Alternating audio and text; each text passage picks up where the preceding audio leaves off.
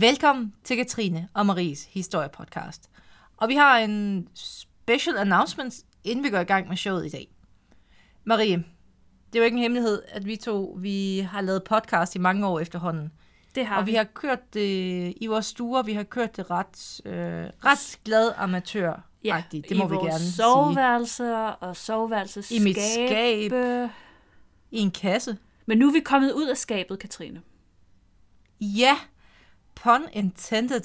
Vi er blevet signet af Linghar og Ringhof og under afdelingen Saga Edmund, hvor vi i det næste stykke tid, ikke lige med det samme, men i det næste stykke tid, kommer til at udgive afsnit igennem dem.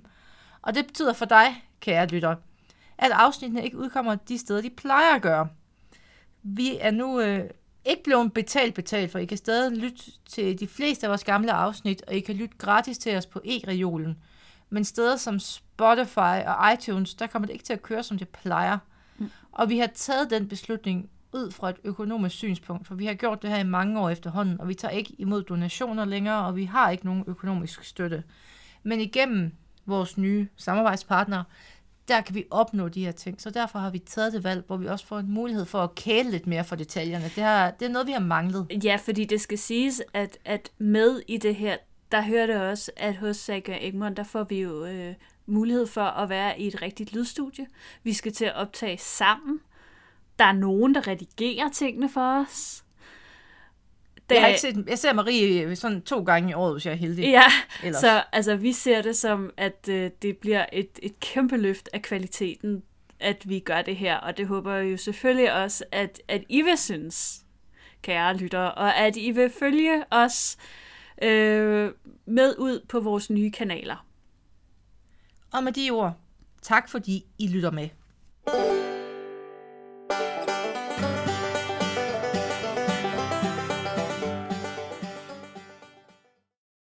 Velkommen til Historiepodcasten.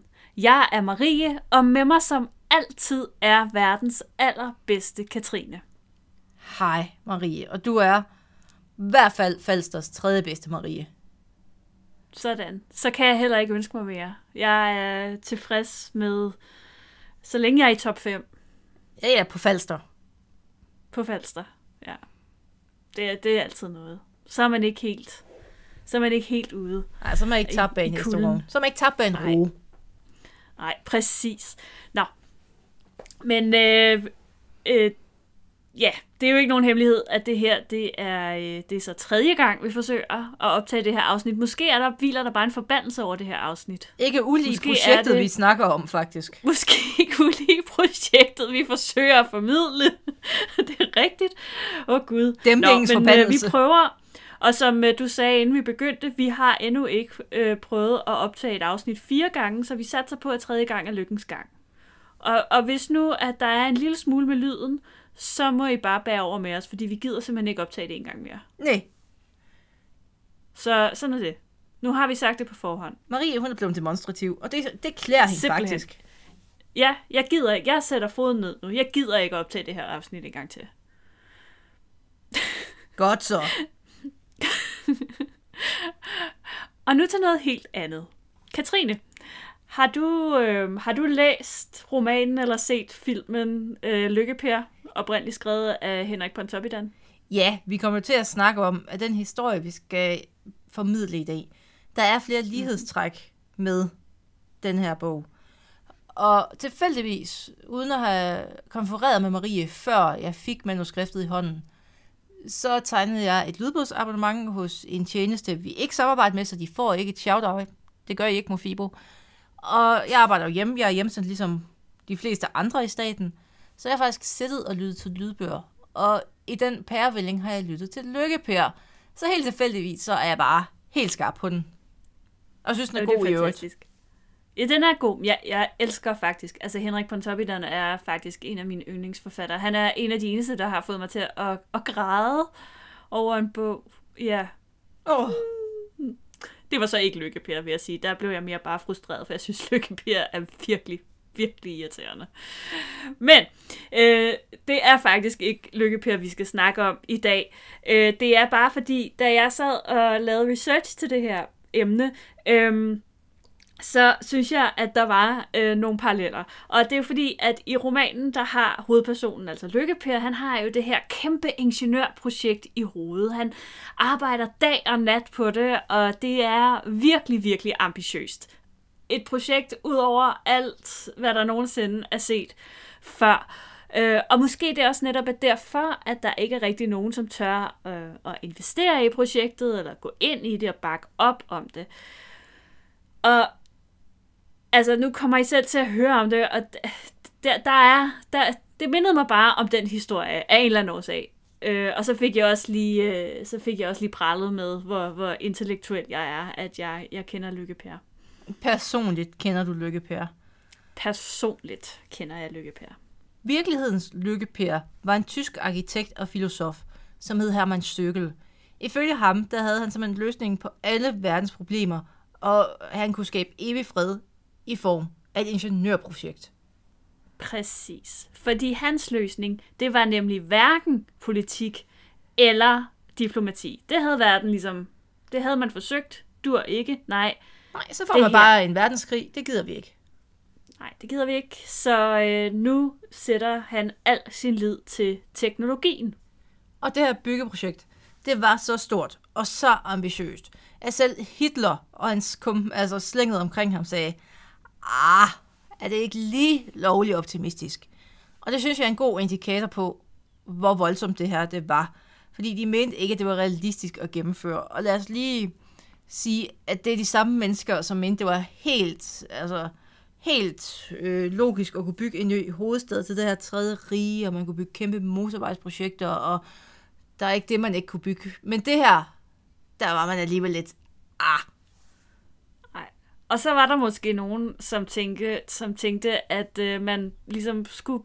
Man forstod et vink med en vognstang, når selv øh, Hitler siger, ved du hvad, det er ikke, det er ikke realistisk at gennemføre det her. Men øh, sådan var Sørkel ikke. Han gav ikke så nemt op. Og øh, i dag, der skal vi snakke om hans helt fantastiske Atlantropa-projekt. Vi begynder historien i Tyskland i 1927. Man er midt i de vilde 20'ere, og man har stadig lidt tømmermænd efter 1. verdenskrig. Ja, og vi snakkede jo faktisk lidt om den her periode, da vi havde øh, Agatha Christie øh, afsnittet. Øhm, og det var jo sådan set, altså det var vidderligt fuldstændig øh, tilfældigt, at vi har to afsnit efter hinanden, der foregår nogenlunde samtidig. Men det vi også ligesom lagde vægt på i, i det afsnit, det var jo, at 1920'erne, det er jo den her vilde periode, de vilde 20'er, de brølende 20'er, øhm, hvor alt ligesom bliver kastet op i luften, alt kan lade sig gøre, det er, det er vildt, det er grænseløst, og det er storladen, der overdået, ikke? Altså det er, wow. Babylon fedt. Berlin forestiller cirka det. Ja. Og det er jo, det er jo en vild periode. Men der var også enorme politiske og sociale spændinger i Europa. Befolkningstallet det vokser fra 488 til 534 millioner mennesker på blot 10 år mellem 1920 og 1930.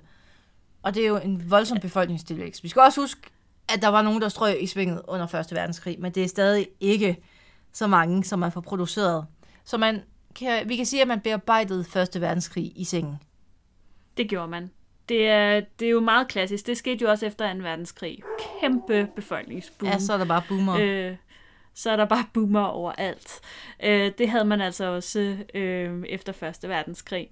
Med, og med det her øgede befolkningstal, der fulgte der arbejdsløshed og fattigdom. Øh, og derudover, der stod Europa også over for en meget stor forsynings- og energikrise. Man havde simpelthen ikke, hvad skal man sige, de man havde ikke ressourcerne til, til alle de her mennesker. Man havde ikke ressourcerne til alle de mennesker, nej, lige præcis. Og det, i forlængelse af den tankegang, så udvikler man ideen om lebensraven. Og hvis det ringer en klokke i folks hoved, en rigtig negativ klokke, fordi at det var jo det udtryk, at nazisterne brugte som undskyldning for, at man skulle ekspandere. Der skulle være plads til det mm. gode rejske folk. Ja, og Men fjerne alle jøderne. Ja, ja, det var så en del af tankegangen.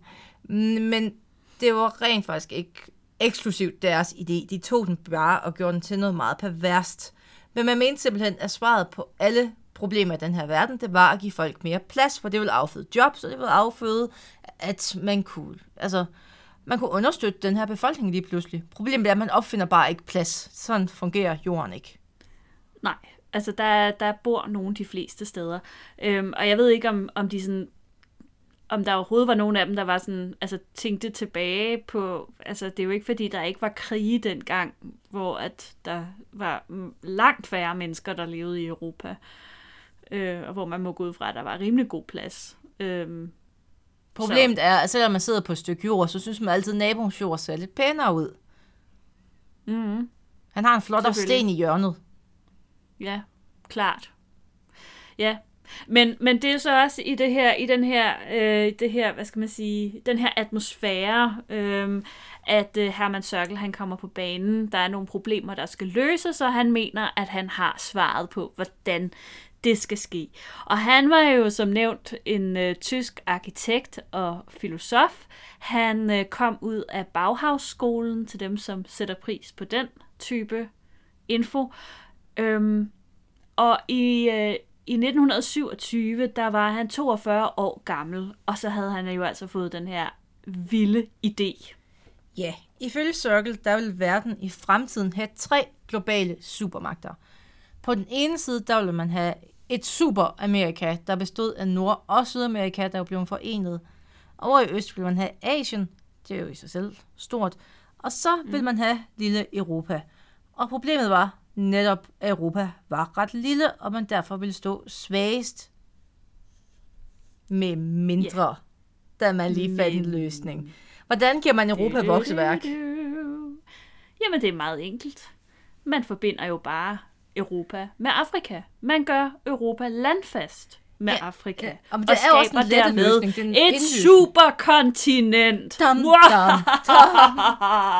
det er også en indløsende løsning, Det er bare det, man skal gøre. Men, Super løsning. Yes, man har ikke rigtig taget lærdom fra Første Verdenskrig over til det her projekt. Fordi mere land skaber ikke nødvendigvis mere fred. Nej. Der skal man bare åbne en eller anden historiebog, og så kan man ligesom prøve at bare sætte Altså et af problemerne er jo også, at efter Første Verdenskrig, så er mange af de her gamle kolonimagter, der har mistet nogle af deres kolonier. Og de her oh, kolonier, ja det skabte jo en følelse af storhed, og det skabte jo også adgang til ressourcer. Og så, når nogle af kolonierne, ikke alle, de bliver frie, så har man ikke de samme ressourcer længere. Man har ikke adgang til arbejdskraft, man har ikke adgang til de her pengegeneratorer. Så kunne man, det kunne jo også godt være en, en strøg tanke, at man tænkte, så kunne man genopbygge noget af den her storhed, uden at det føles helt forkert, men stadig bare fuldstændig forkert. Helt klart. Det kommer vi lige til at snakke lidt mere om senere, det der. Øhm, men øhm, Sørkel, han, øh, han mente jo, at han øh, med det her projekt øh, ville kunne slå flere fluer med et smæk. Øh, Faktisk alle fluerne med et smæk. Alle fluer med et smæk. Øh, og, og blandt øh, de her fluer, så var der jo netop det her med, med evig øh, verdensfred. Fordi han mente jo simpelthen, at, at det her projekt, han havde i tankerne, øh, det var så stort og så omfattende og så dyrt, at der aldrig ville være nogen, der havde råd til at gå i krig igen. Eller behov for det. Eller mulighed Eller behov for det. for det. Eller mulighed. Ja, der vil, det vil, der vil bare ikke. Det vil ikke kunne lade sig gøre. Men øh, lad os se lidt nærmere på, hvordan Herman Sørkel vil skabe det her superkontinent. Man kan jo også sige, at Sørkel han har opfundet sin egen behovspyramide, hvor han siger, at hvis folk har nok plads, så har de ikke behov for at gå i krig. Nej, præcis. Det er hans resonemang i det her projekt. Og i ja. hans øjne, det der stod i vejen for alles lykke, det var Middelhavet. Og det skulle væk. Problemet er, at man kan ikke bare fjerne et hav. Så skal man i hvert fald have en spand, og man skal gå mange gange. Så man skal have det delvis væk på en smart måde. Ja. Øh, og, øh, og Cirkles idé var lidt mere avanceret end det med at, at en spand det var det. Øh, det skulle nemlig ske ved, at man byggede tre gigantiske dæmninger, som delte Middelhavet i to bassiner. Den største af de tre dæmninger skulle bygges hen over Gibraltarstrædet, altså fra Spaniens sydkyst til Marokko. Og den lang tur, siger det bare lige, og den her dæmning skulle være 2,5 kilometer bred og 300 meter høj. Prøv lige at tage din storebæltsbro og stikke den skråt op. Det her, det er et byggeprojekt. Præcis. Femern, Altså, det var... Kattegat-forbindelsen. Det Uambitiøst. her, det, det, har, det har ingenting på moderne byggeprojekter, det her. Det er, altså... Det slår alt. Og, og der, da, da Circle han kommer med de her idéer, vi er jo så slutningen af 20'erne og ind i 30'erne, altså der er det her jo fuldstændig vanvittig størrelsesorden. Øh, så vidt jeg har kunnet finde ud af, så er den højeste bygning på det her tidspunkt måske omkring 150 meter høj. Øhm, og så taler vi altså øh, kæmpe wow-faktor, ikke? Så han vil bygge noget, som er 300 meter højt. Det slår jo alt, hvad man kan på det her tidspunkt. Ja, det var det samme, hvis man byggede en bygning i dag, der har været 1,6 km høj, plus det løse. Ja, Lige gør den, noget den største bygning tre gange større. Og mm. ikke nok med det, der skulle nemlig også bygges et tårn på midten af dæmningen, og det her tårn skulle ikke være mindre end 400 meter højt. altså fordi, hvorfor ikke? Hvorfor ikke? Indeed. Hvorfor ikke? Hvorfor ikke lige krone en 300 meter høj dæmning af med et 400 meter højt tårn? Fordi man kan, måske. Øhm, men det vil jo altså gøre Gibraltar-dæmningen omkring 100 meter lavere end den nuværende højeste bygning i verden. Det er, et meget, det er jo en meget kringlet måde at sige det på. Men øh, den højeste bygning i verden i dag, det er et, øh, et, øh, en ejendom, der hedder Burj Khalifa, eller sådan et eller andet. Jeg kan, jeg kan stadig ikke finde ud af at udtale det, selvom det er tredje gang, vi optager det her. Øhm, og øh, den ligger i Dubai, øh, og er 820 meter høj. Jamen, så må Og jeg undskylde min matematik. Fordi så skal ja. Vores høj, den nye højeste bygning jo være 4 to- 2,4 km høj, hvis man skulle i målestok tage Circle sindssyge og kopiere det op til i dag. Ja. Magisk.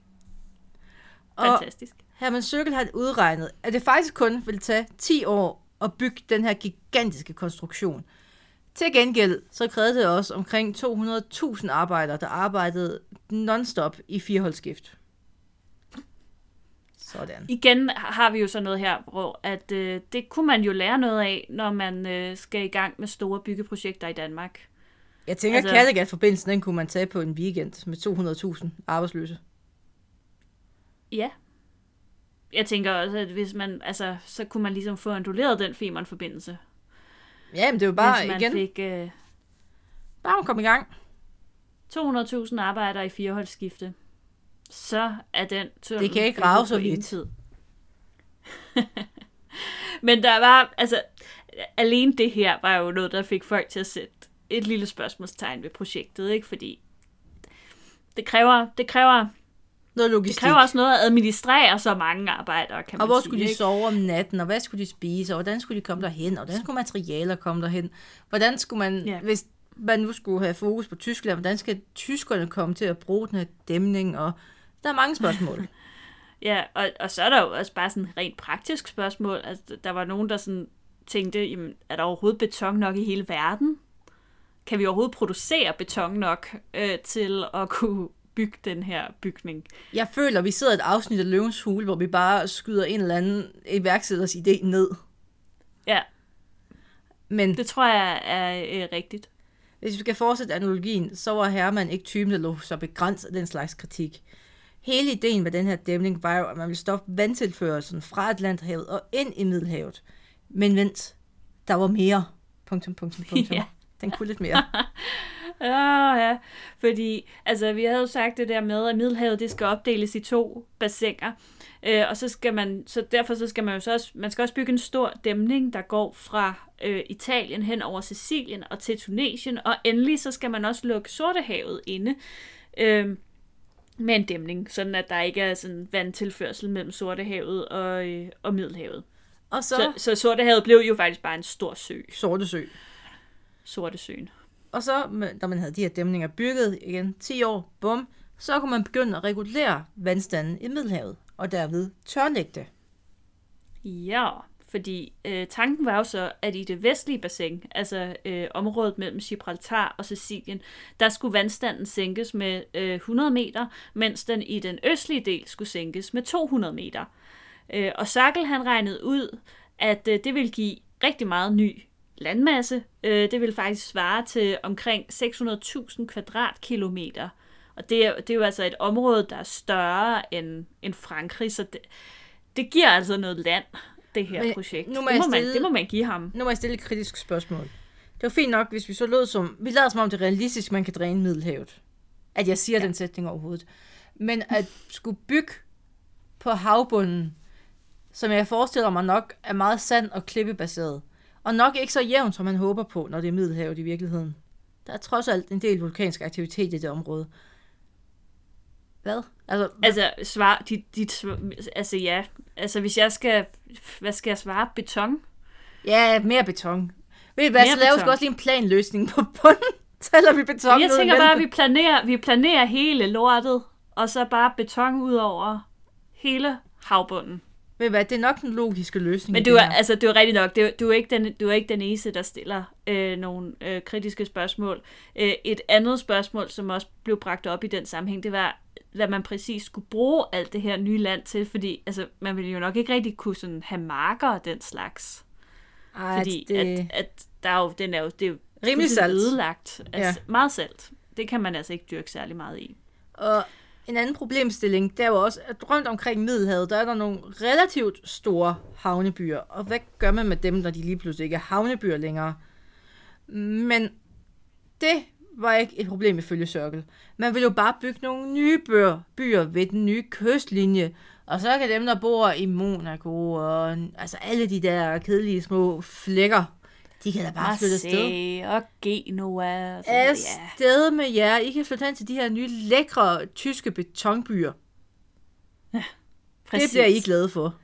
Altså, der er jo aldrig nogen byer, der har taget skade af, at man flyttede indsejlingen. Nej, nej, nej. Rødby har overlevet fint. Piv, piv. Den findes stadig. Lige præcis. Øhm, der var dog en by, som Circle han åbenbart havde et særligt forhold til. Øh, og det var Venedig. Fordi han kunne godt se, at det var problematisk, hvis der ikke var noget vand i Venedig. Øhm, fordi hvordan skal man så kunne sejle rundt i gondoler? Øhm, Jeg ved, at han i sin skuffe har en plan om, hvordan han bare tømmer kanalerne i Venedig, og så putter han beton ned, så kan I køre rundt. beton. beton ud over hele Venedig. ja, nej, han, øh, han var faktisk lidt mere snu end det, fordi øh, det, han, øh, det han foreslog, det var, at man inddæmmede den her lagune, øh, som, øh, som Venedig ligger i, øh, sådan at altså, den ligesom blev afskåret fra Middelhavet, som jo så ville forsvinde. Øh, fordi altså, Venedig ville komme til at ligge omkring 500 km inde i landet. Der var, der var langt til, den, til kysten, øh, når han havde øh, reguleret vandstanden. Men hvis han gjorde det her, så, øh, så ville de stadig kunne have øh, lille, en lille bassin at sejle rundt i inde i Jamen, Venedig. jeg, jeg tænker sådan noget indelukket havvand, det vil blive ret lækkert for dem på sigt. Ja, så langt ved jeg ikke, om Hermann han tænkte. Men man skulle også tro, at han mente, at de her 600.000 kvadratkilometer, det var, sådan, det var lige nok til europæerne, så fik man lige et ekstra Frankrig. Men nej. For hele bagtanken med projektet, det var jo grundlæggende, at man skulle skabe vej ned til Afrika, hvor der var masser af lækre ressourcer og masser af lækkert land. Og så var der, der var nogle indfødte, men dem tog vi ikke så meget højde for. De skulle udskiftes Nej. med europæer alligevel.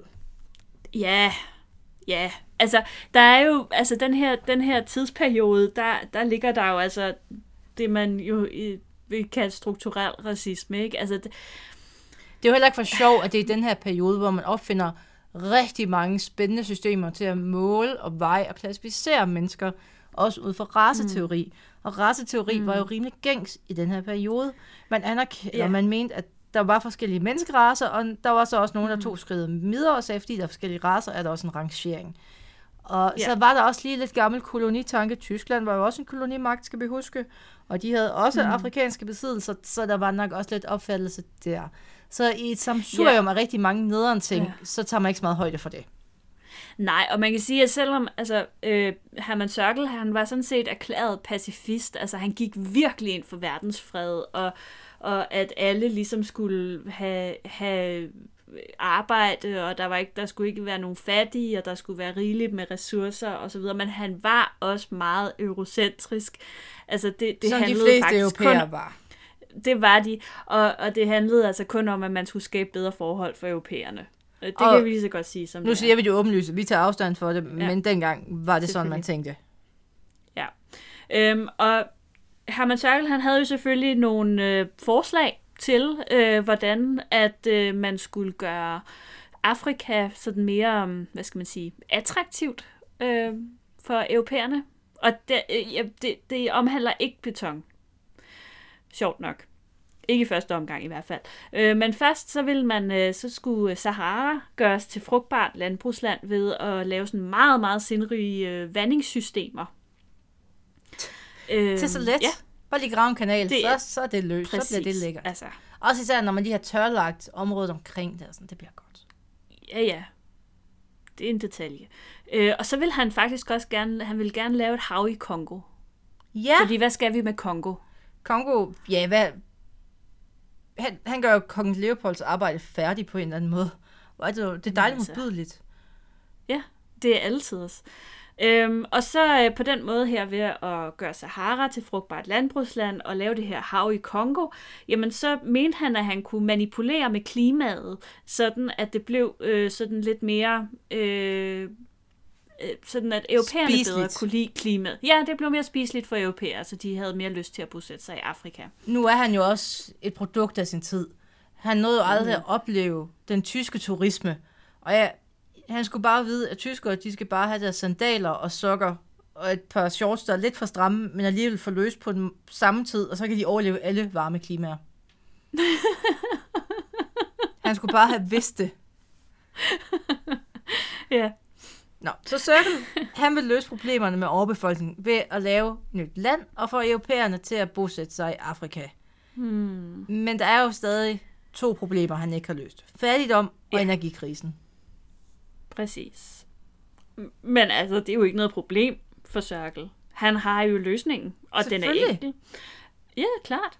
Øhm, fordi at det er jo sådan, at selve opbygningen af de her dæmninger, driften af dem, øh, men, også inklu- øh, men også etableringen af, af nye byer i det her nye land, øh, opbygningen af dem, øh, men også og, og jernbanestrækninger og alt muligt andet, det skulle, jo, det skulle jo alt sammen bygges og etableres, og det vil kræve så meget arbejdskraft, at ingen nogensinde vil komme til at mangle arbejde igen.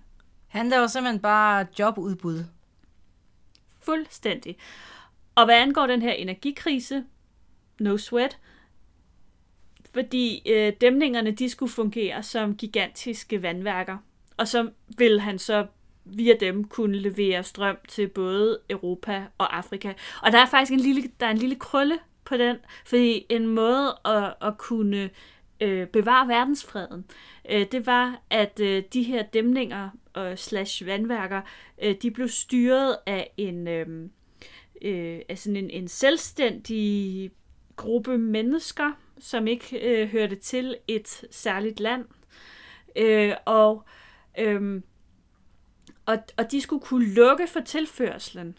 Så hvis nu, at der var et sted i Europa eller et andet sted, der fik øh, leveret strøm og anden energi fra de her vandværker, øh, som begyndte at true verdensfreden, så kunne de lige fyt, lukke for øh, tilførslen til de her steder. Det skulle de siden sidde og administrere. Jeg siger bare, at det virker super godt for Putin og Gazprom, så Det er Ja. præcis. Altså, jeg tror, han har læst hans projekt her. Og det er jo noget af et projekt, og det lyder ved Gud som et eller andet skørt James Bond-skurk. Vi har et stort byggeprojekt, vi har terraforming, og vi har forbrydelser mod menneskeheden. Vi har de rigtige ingredienser. Og. Ja. hvis du tror, at folk bare har tænkt, ha, ha, ha, sørgel din tosse. Jeg kan ikke bygge en dæmning der. Så kan du godt tro om, i starten, der var man faktisk ret interesseret i det her projekt. Og jeg tænker egentlig, man bare greb efter en eller anden lavt hængende pind og sagde, det her håb, det holder vi fast på. Det løser alle vores problemer. Vi løser det med beton. Det er meget tysk. Det er det er simpelthen det store håb. Det er beton. Øh, ja, og det var jo, altså, det var jo nok især øh, visionen om verdensfred, øh, snarere end betongen, som gjorde det populært. Øh, men det var jo i høj grad også det her med, at, at løsningen på alle problemerne blev fundet gennem teknologi og ikke igennem politik og diplomati. Nej, det lærte man øh, under Første Verdenskrig, ja. eller op til Første Det- Verdenskrig. Det var sgu ikke så rart. Det virker ikke nødvendigvis så godt. Det havde man ikke så gode erfaringer med, så, så nu tænkte man, nu stoler vi ikke øh, på menneskeheden længere, nu satser vi udelukkende på teknologien. Og Circle, han rejste rundt og holdt foredrag om projektet på fuld tid. Der blev skrevet hundredvis af artikler, både i videnskabelige tidsskrifter og i almindelige aviser. Der blev endda, og det er dejligt, for et projekt, der aldrig blev gennemført, og det her er meget smukt, der blev lavet flere film om projektet, I kan se dem på YouTube, og der var flere sci-fi forfattere, der skrev bøger, som foregik i det her utopiske Alantropa. Det er meget smukt. Mm-hmm. Ja, det er faktisk ret smukt. Øhm, og der blev også investeret i projektet, øhm, og det, der blev investeret i det i sådan en grad, at det blev muligt for Circle at oprette et institut, som kun havde til formål at arbejde hen imod, at Atlantropa blev til virkelighed. Ja, han fik nogle penge, men han fik ikke de rigtige penge, hvis det lyder rigtigt. Øhm, han fik investeringer, men han fik ikke de rigtige. Han skulle have haft sådan nogle statsinvestorer og nogle politikere, der bakkede ham op. Dem kunne han ikke rigtig få. Så projektet, Nej. det når aldrig rigtigt at hoppe afsted, fordi der ikke var nogen politisk opbakning. Altså man kan sige, hvis der altså det, det involverer rimelig mange nationalstater. Det her jeg, synes, det er underligt, at han ikke skrev til Stalin. Stalin, han ville have hoppet med på det her. Han havde arbejde, han Jeg kunne tømme det Gulag. ikke. Og ser det femårsplanen, nu skal vi lave alt beton i hele verden. Og så fem år Altså, efter, når han havde halvdelen, så kunne han have fået en af dæmningerne. Og så kunne det hedde Stalin Tropa. elsket det her. Præcis, Stalin havde elsket det her projekt. Jeg, jeg ved heller ikke, hvorfor han ikke gik til Stalin. Men det var, det var måske det var måske alligevel... Russerne var jo lidt fjenden. Men de kunne Øhm, og i første omgang, der, der kan man sige, at, øh, at nu Sørkel, han er jo tysker. Og der sker jo det i Tyskland, at i 1933, der kommer Hitler til magten. Øhm, og, og Sørkel, han håber jo lidt, at det her, den her nye regering ligesom øhm, er åben over for hans idé om verdensfred. Hahaha, han skulle bare have vidst. Øhm, ja, Det var en anden form for Han- verdensfred. det var i hvert fald med nogle andre midler. Øhm, og øhm, Sørkel, han skrev oven i købet, han skrev to bøger, faktisk. Øh, en i 1938, og en, mener det i 43, øh, som skal sælge projektet for nazisterne. Men øh, Hitler og kompagni, altså som du nævnte tidligere, de er jo ikke blege for at kaste sig ud i ambi- ambitiøse projekter, eller ingeniørprojekter, eller alle mulige andre projekter. Øh, men de kunne altså ikke se en fremtid i Atlantopa-projektet. Og så vidt jeg husker, øh, så er der jo også noget med, at hvis vi taler 1943, så er deres fokus lidt mere østover. Ja, Hitler vil nok bedre have sydpå. nogle jægerfly, end han vil have en dæmning. Ja. Sådan vil jeg sige det. Og mm. man skulle have troet, at det her nej, det betød døden for drømmen om et superkontinent. Men nej, hahaha. Sørkel, han giver ikke op. Han arbejder stadig videre med at promovere sin idé.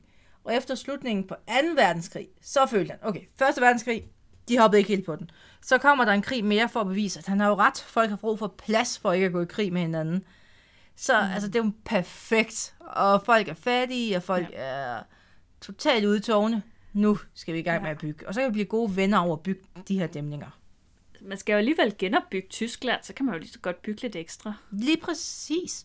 Og, Ja. og Franco er jo stadig det... i Spanien. Han er sikkert nede med det, hvis han siger, at det er for at holde kommunisterne nede og sådan noget. Mm. Jeg læste faktisk et sted, at der havde været en lille smule interesse for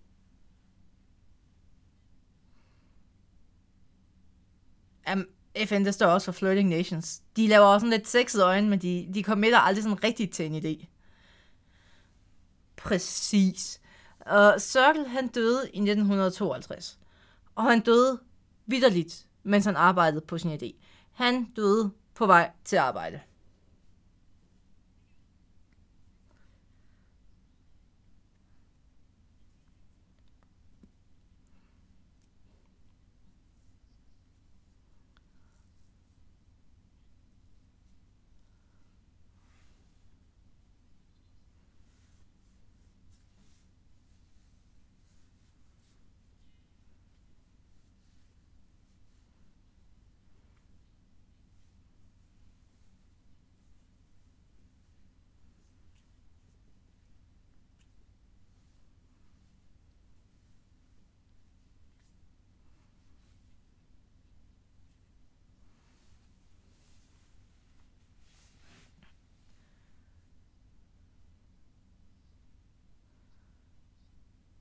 Det, de ville stoppe, det var simpelthen vejen til verdensfred. Marie, i anledning af det her projekt, så har jeg udtænkt to projekter, jeg synes, vi skal prøve at gennemføre ud fra den her fantastiske tankegang. Jeg vil gerne putte sø tilbage i Østersøen. Så der skal simpelthen bygges en dæmning fra, det må være Skagen til Oslo. Det må give mest mening. Og så, så har vi simpelthen det her ind. Og jeg har også et andet projekt, jeg har gået og summet lidt på. Jeg vil gerne have Dokkerland tilbage.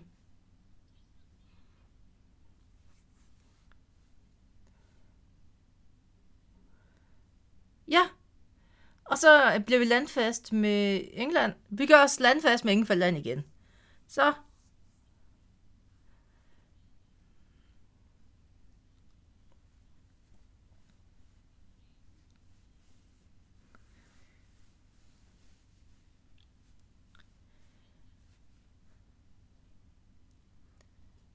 Et andet projekt, og det er et lidt mere personlig interesse, så kunne jeg godt tænke mig at en Horsens Fjord ind, og så lidt ud af, og så simpelthen lave Horsens Tropa. Og jeg tænker også, på sigt, det kunne bidrage til verdensfreden. Og med de ord, tak fordi I lyttede med.